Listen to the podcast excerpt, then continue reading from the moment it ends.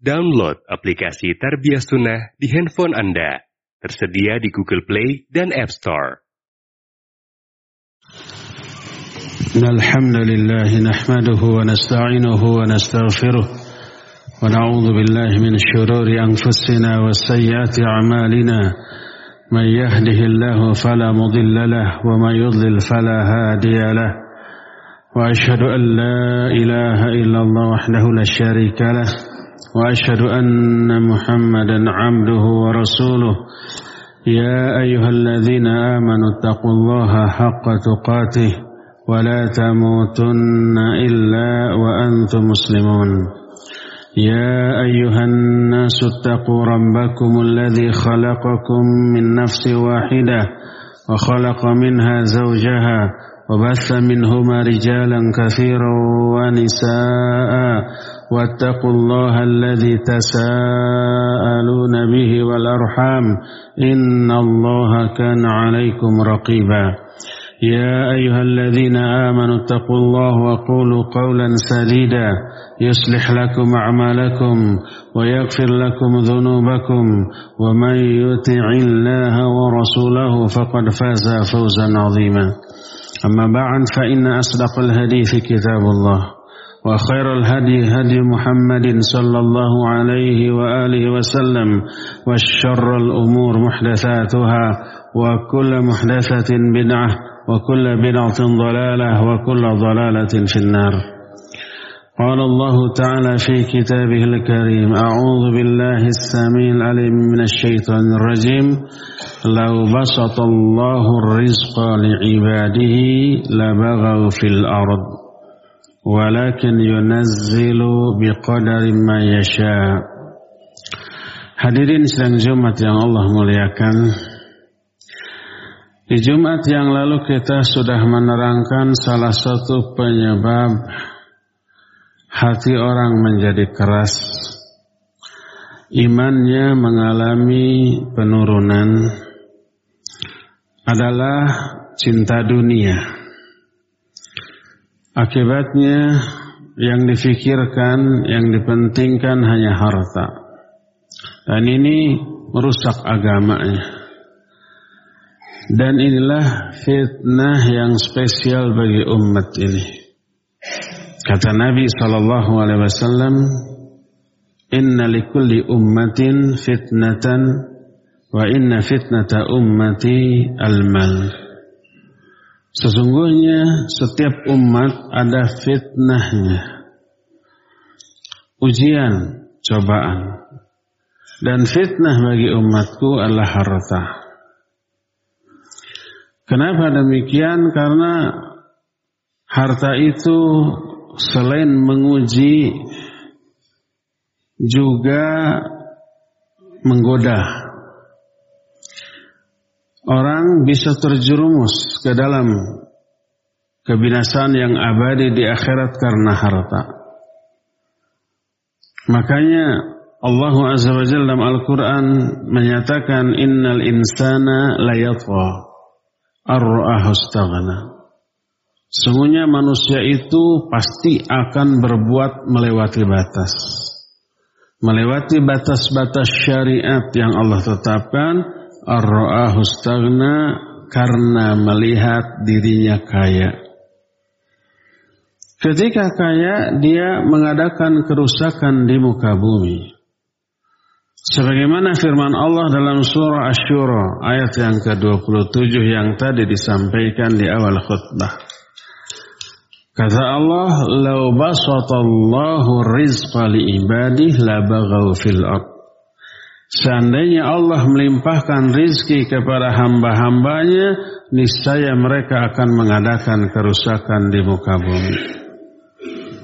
Padahal Allah melarang wala tufsidu fil ardi ba'da islahnya. Jangan kalian mengadakan kerusakan di muka bumi setelah baik keadaannya.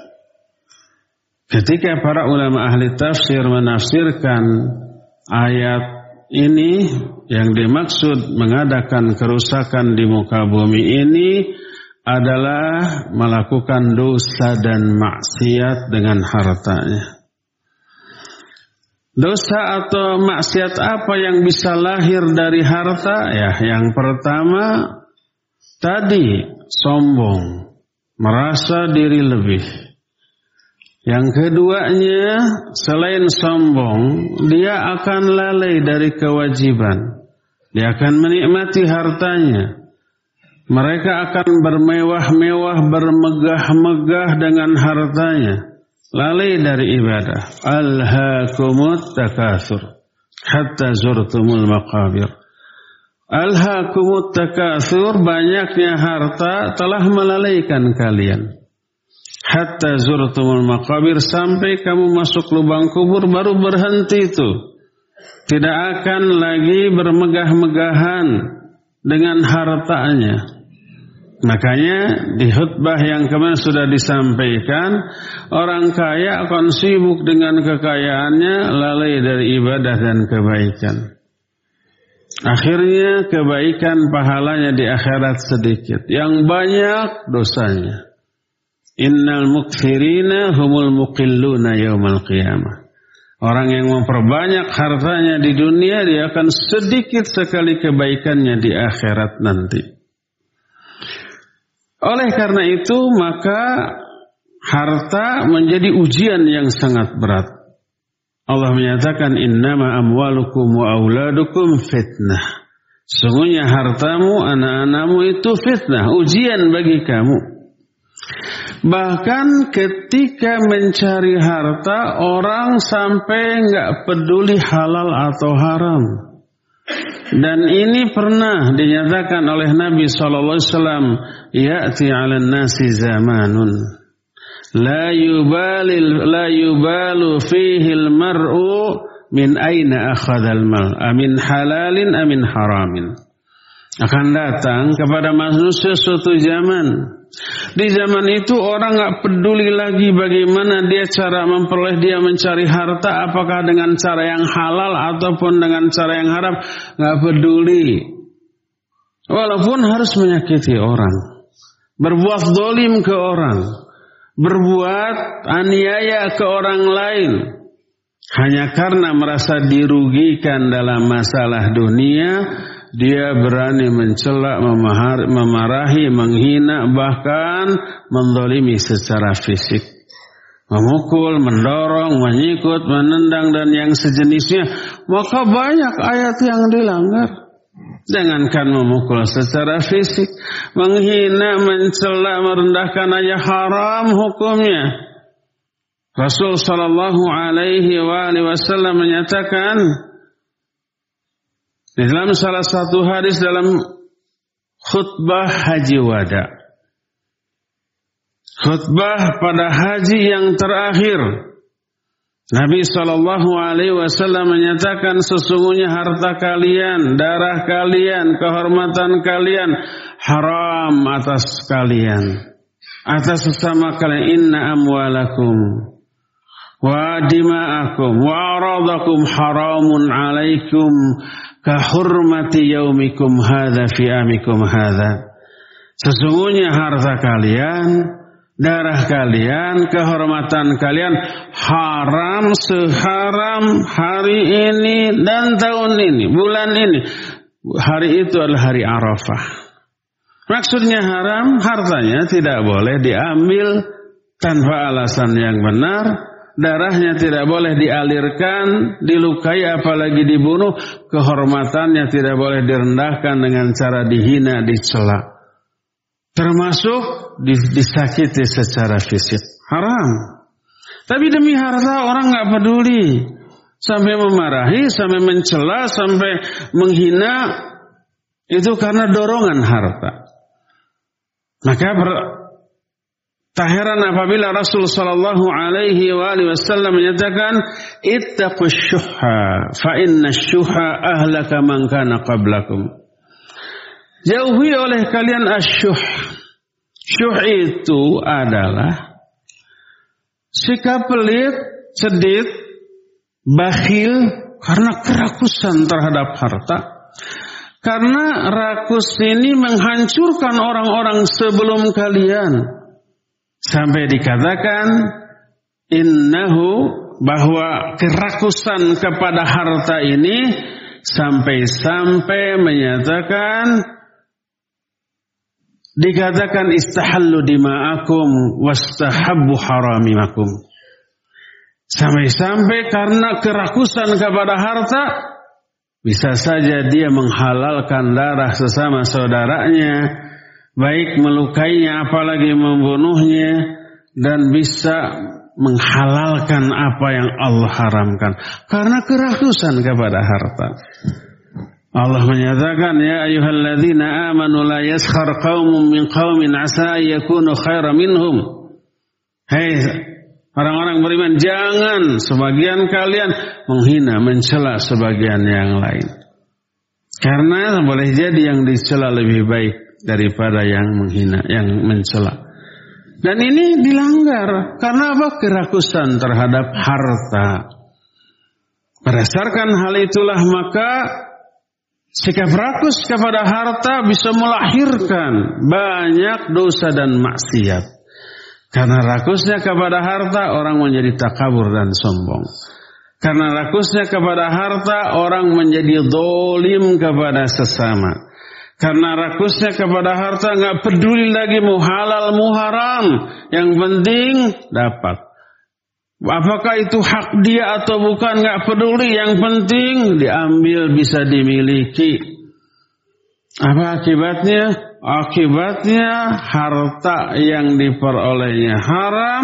Kemudian yang masuk ke dalam perutnya, ke dalam tubuhnya menjadi darah dagingnya bersumber dari yang haram. Dan ini berpengaruh kepada karakter berpengaruh kepada sifat, tingkah laku, akhlak, perilaku. Ketika berinteraksi dengan sesama manusia, kelihatan buruknya. Sikapnya ditakuti oleh orang, lisannya juga tidak disukai oleh orang. Dan ini ciri-ciri orang yang akan terancam azab yang sangat pedih di akhirat nanti. Lihat Ketika Allah Azza wa Jalla menerangkan tentang ashabus shimal. Ashabus shimal itu golongan kiri yang kelak akan masuk neraka. Wa ashabus shimal. Ma ashabus shimal? Fi samumi wa hamim. Wa dhillim min yahmum. La baridi wa la karim. Innahum kanu qabla dhalika mutrafin. Dan golongan kiri, betapa sengsaranya golongan kiri. Mereka berada di bawah hembusan angin yang sangat panas, guyuran air yang sangat panas, naungan angin, naungan awan yang sangat panas, tidak ada kesejukan, tidak ada kenyamanan. Pokoknya di azab di akhirat. Apa penyebabnya? Sampai orang itu diazab sehebat itu innahum kanu qabla dzalika mutsrafin. Karena dulu ketika hidup di dunia mereka hidup bermewah-mewahan dengan harta yang dimilikinya dan ini mengisyaratkan kerakusan kepada harta sampai ingin menikmati harta baik yang banyak ataupun sedikit menjadi penyebab orang itu masuk ke dalam neraka, masuk golongan kiri, diazab dengan azab yang luar biasa dahsyatnya tadi. Berdasarkan hal itulah maka wajib kita yakini bahaya dari harta. Sampai-sampai kemarin juga disampaikan madzibani ja'iani ursila fi ghanamin bi afsadalaha min hirsil mar'i min, his hirsil mar'i ala ala al-mal wasyaraf lidinihi. Dua ekor serigala yang lapar yang dilepaskan kepada seekor kambing tidak lebih berbahaya dibanding kerakusan seseorang kepada harta dan kehormatan yang akan merusak agamanya. Agamanya rusak lebih dahsyat daripada rusaknya seekor kambing oleh dua ekor serigala yang sedang kelaparan. Pasti rusak. Kenapa rusak? Karena melemahnya semangat ibadah, semangat beramal soleh, menggebu-gebunya semangat untuk dosa dan maksiat, tidak peduli halal dan haram, menyakiti sesama, menghina sesama, marah kepada sesama, memukul, menzalimi sesama, akhirnya lebih banyak dosanya daripada kebaikannya. Dan inilah salah satu penyebab turunnya iman, salah satu penyebab kerasnya hati, maka wajiblah dihindari.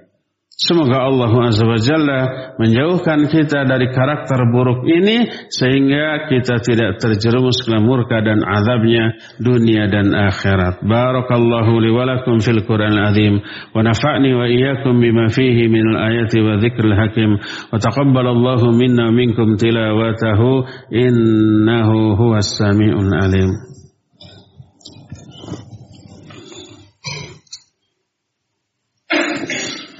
الحمد لله الذي أرسل رسوله بالهدى ودين الحق ليظهره على الدين كله ولو كره المشركون وأشهد أن لا إله إلا الله وحده لا شريك له إقرارا به وتوحيدا وأشهد أن محمدا عبده ورسوله صلى الله عليه وعلى آله وأصحابه وسلم تسليما مزيدا وبعد Ayuhal hadirun usikum wa nafsi bitaqwallahi faqad fazal muttaqun. Hadirin sedang Jumat yang berbahagia, kerakusan kepada harta tidak dibatasi oleh umur dan kondisi. Walaupun umurnya sudah tua, kerakusan kepada harta bertambah besar. Bukan kata saya, tapi kata Nabi Ali Shallallahu Wasallam. Dalam hadis sahih riwayat Imam Bukhari dan Imam Muslim Nabi menyatakan kabur ibnu Adam wa kabur ma'ahu ithnanan. Ithnani kata Nabi SAW Bani Adam menua bertambah umurnya bertambah dua bersama dengan bertambahnya umur dua hal. Bertambahnya umur disertai dengan bertambahnya dua hal Pertama al-hirsu 'alal mal. Kerakusan kepada harta. Walaupun sudah tua, sudah sakit-sakitan, sudah tidak bisa menikmati kenikmatan dunia, makan sudah kurang enak, sudah kurang nafsu pendengaran sudah kurang, mata juga sudah lamur, gigi juga sudah ompong, makan juga sudah tidak begitu nikmat, tidur tidak begitu nyenyak, mau jalan-jalan juga tidak nyaman karena sudah tidak kuat. Tapi rasa rakusnya kepada harta tetap dan bahkan bertambah. Yang kedua, watulul hayat. Panjang umur, ingin umurnya panjang walaupun sudah tua. Jangan dikira kalau sudah tua itu pikiran terhadap dunia itu hilang. Enggak, tambah loh. Dan itulah yang umumnya kita lihat dari kehidupan orang-orang pencari dunia pada zaman sekarang. Tetap ke harta itu begitu semangat. Tetap walaupun kondisinya sakit-sakitan, gak mau mati segera ingin panjang umurnya. Itu kata Nabi Shallallahu Alaihi Wasallam dan beliau berbicara berdasarkan wahyu informasi pemberitahuan dari Allah Subhanahu Wa Taala itulah karakter umumnya manusia. Tapi itu hanya teralami oleh orang pencinta dunia.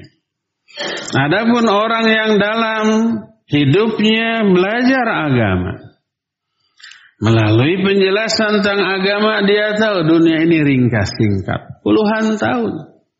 Di akhirat, di alam kubur entah berapa ribu tahun. Sampai kiamat, setelah kiamat di akhirat selama-lamanya. Itu kehidupan yang sebenarnya. Menyadari, meyakini hal itu, dunia pasti akan ditinggalkan, dia fokus ke akhirat.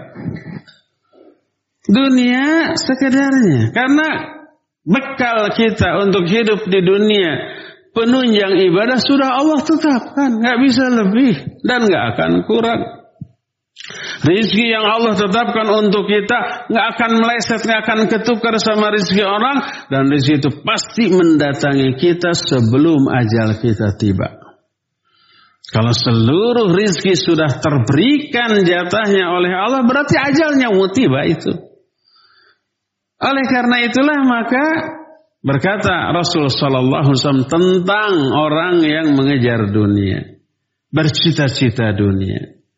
Kata beliau, "Mangkanatid dunya hamma, farraqallahu amrah, wa ja'ala al-faqra baina ainaihi, wa lam ya'tihi min ad-dunya illa ma kutibalah." Siapa orang yang menjadikan dunia sebagai cita-citanya, Allah akan pecah belahkan, akan cerai berai, cerai beraikan seluruh urusannya, urusan yang ada yang beres. Fikirannya bercerai berai tidak fokus kepada satu yang terpenting. Tapi wah, cusos kadi itu kadi, ingat ini, ingat itu. Padahal dunia yang dia kejar, yang dia cita-citakan tidak akan mendatanginya kecuali sebatas yang Allah takdirkan. Gak akan lebih. Oleh karena itu begitu seluruh potensi hidupnya dipakai untuk mencari dunia, dia hanya akan memperoleh sebatas yang Allah takdirkan. Tidak akan lebih. Dia pikirannya stres. Takut miskin, takut kurang, takut fakir. Allah yang menyengaja mengkondisikan hal itu dalam dirinya. Kata Rasul SAW, wajah al faqra baina, baina ainai. Allah akan menjadikan kefakiran itu selalu terbayang di dalam fikirnya, terbayang di pelupuk mata. Takut kurang, takut kelaparan, takut miskin gitu. Kemudian seluruh urusannya tidak ada yang beres. Pikirannya bercabang ke banyak perkara. Dan itu azab dari Allah. Maka berkata Imam Ibn Qayyim, Muhibbud dunya la yanfaku min salas. Orang yang mencintai dunia tidak akan lepas dari tiga perkara. Hammun lazimun, keresahan, kegelisahan, stres, depresi yang selalu melekat dalam dirinya. Wa ta'bun daimun, kelelahan yang terus menerus. Wa hasratun la, ya, la tangqadi dan penyesalan yang tidak ada putusnya nanti di akhirat. Apa yang harus kita lakukan agar tidak demikian? Jadikan cita-cita hidup kita akhirat. Seluruh yang kita lakukan, kita niatkan untuk meraih keuntungan di akhirat. Kebutuhan dunia kita sudah Allah tetapkan, takdirkan dan tidak akan meleset dari diri kita, maka fokuslah untuk kebahagiaan kita di akhirat karena kehidupan di dunia ini ya semu ya terbatas. Sebentar lagi kita akan meninggalkan alam dunia ini meninggalkan semua yang kita miliki harta kita anak-anak kita, sahabat-sahabat kita, pekerjaan kita, lalu kita tinggalkan menuju alam lain. Di alam lain kita harus siap mempertanggungjawabkan semua yang kita lakukan ketika di dunia. Fokuslah untuk kebahagiaan akhirat, maka Allah Azza wa Jalla akan mempermudah bagi kita untuk meraih apa pun yang bisa membahagiakan kita di akhirat dan akan membukakan jalan yang menyebabkan kita akan merasa enteng ketika melangkah dalam kehidupan di dunia ini. Semoga Allah Azza wa Jalla memasukkan kita semuanya ke dalam golongan orang-orang yang lebih mementingkan akhirat daripada dunia ini. Inna Allah malaikatahu yusalluna ala nabi ya ayyuhalladzina amanu sallu alaihi wa sallimu taslima Allahumma salli ala Muhammadin nabiyyin ummi wa ala alihi wa sahbihi wa sallim آمين اللهم اغفر للمؤمنين والمؤمنات والمسلمين والمسلمات الأحياء منهم والأموات ربنا ظلمنا أنفسنا وإن لم تغفر لنا وترحمنا لنكونن من الخاسرين. اللهم إنا ظلمنا أنفسنا ظلما كثيرا ولا يغفر الذنوب إلا أنت. فاغفر لنا مغفرة من عندك وارحمنا إنك أنت الغفور الرحيم. ربنا هب لنا من أزواجنا وذريتنا قرة أعين واجعلنا للمتقين إماما. ربنا أوزئنا أن نشكر نعمتك التي أنعمت علينا وعلى والدينا وأن نعمل صالحا ترضى وأصلح لنا في ذريتنا إنا تبنا إليك وإنا من المسلمين. ربنا هب لنا من الصالحين. ربنا هب لنا من لدنك ذرية طيبة إنك سميع الدعاء. رب اجعلنا مقيم الصلاة ومن ذريتي ربنا وتقبل دعاء. اللهم اكفنا بحلالك عن حرامك واغننا بفضلك أما سواك. اللهم إنا نسألك فعل الخيرات وترك المنكرات. وحب المساكن وأن تغفر لنا وترحمنا وإذا أردت فتنة قوم فتوفنا غير مفتونين. اللهم أصلح لنا ديننا التي هي اسمة أمرنا وأصلح لنا دنيانا التي فيها معادنا التي فيها معاشنا وأصلح لنا آخرتنا التي فيها معادنا. واجعل الحياة زيادة لنا في كل خير واجعل الموت راحة لنا من كل شر. ربنا لا تزغ قلوبنا بعد إذ هديتنا وهب لنا من لدنك رحمة إنك أنت الوهاب. ربنا آتنا في الدنيا حسنة وفي الآخرة حسنة وقنا عذاب النار. سبحان ربك رب العزة عما يصفون. وسلام على المرسلين. الحمد لله رب العالمين. آمين. يا رب العالمين. أقول قولي هذا واستغفر الله لي ولكم وأقيم الصلاة.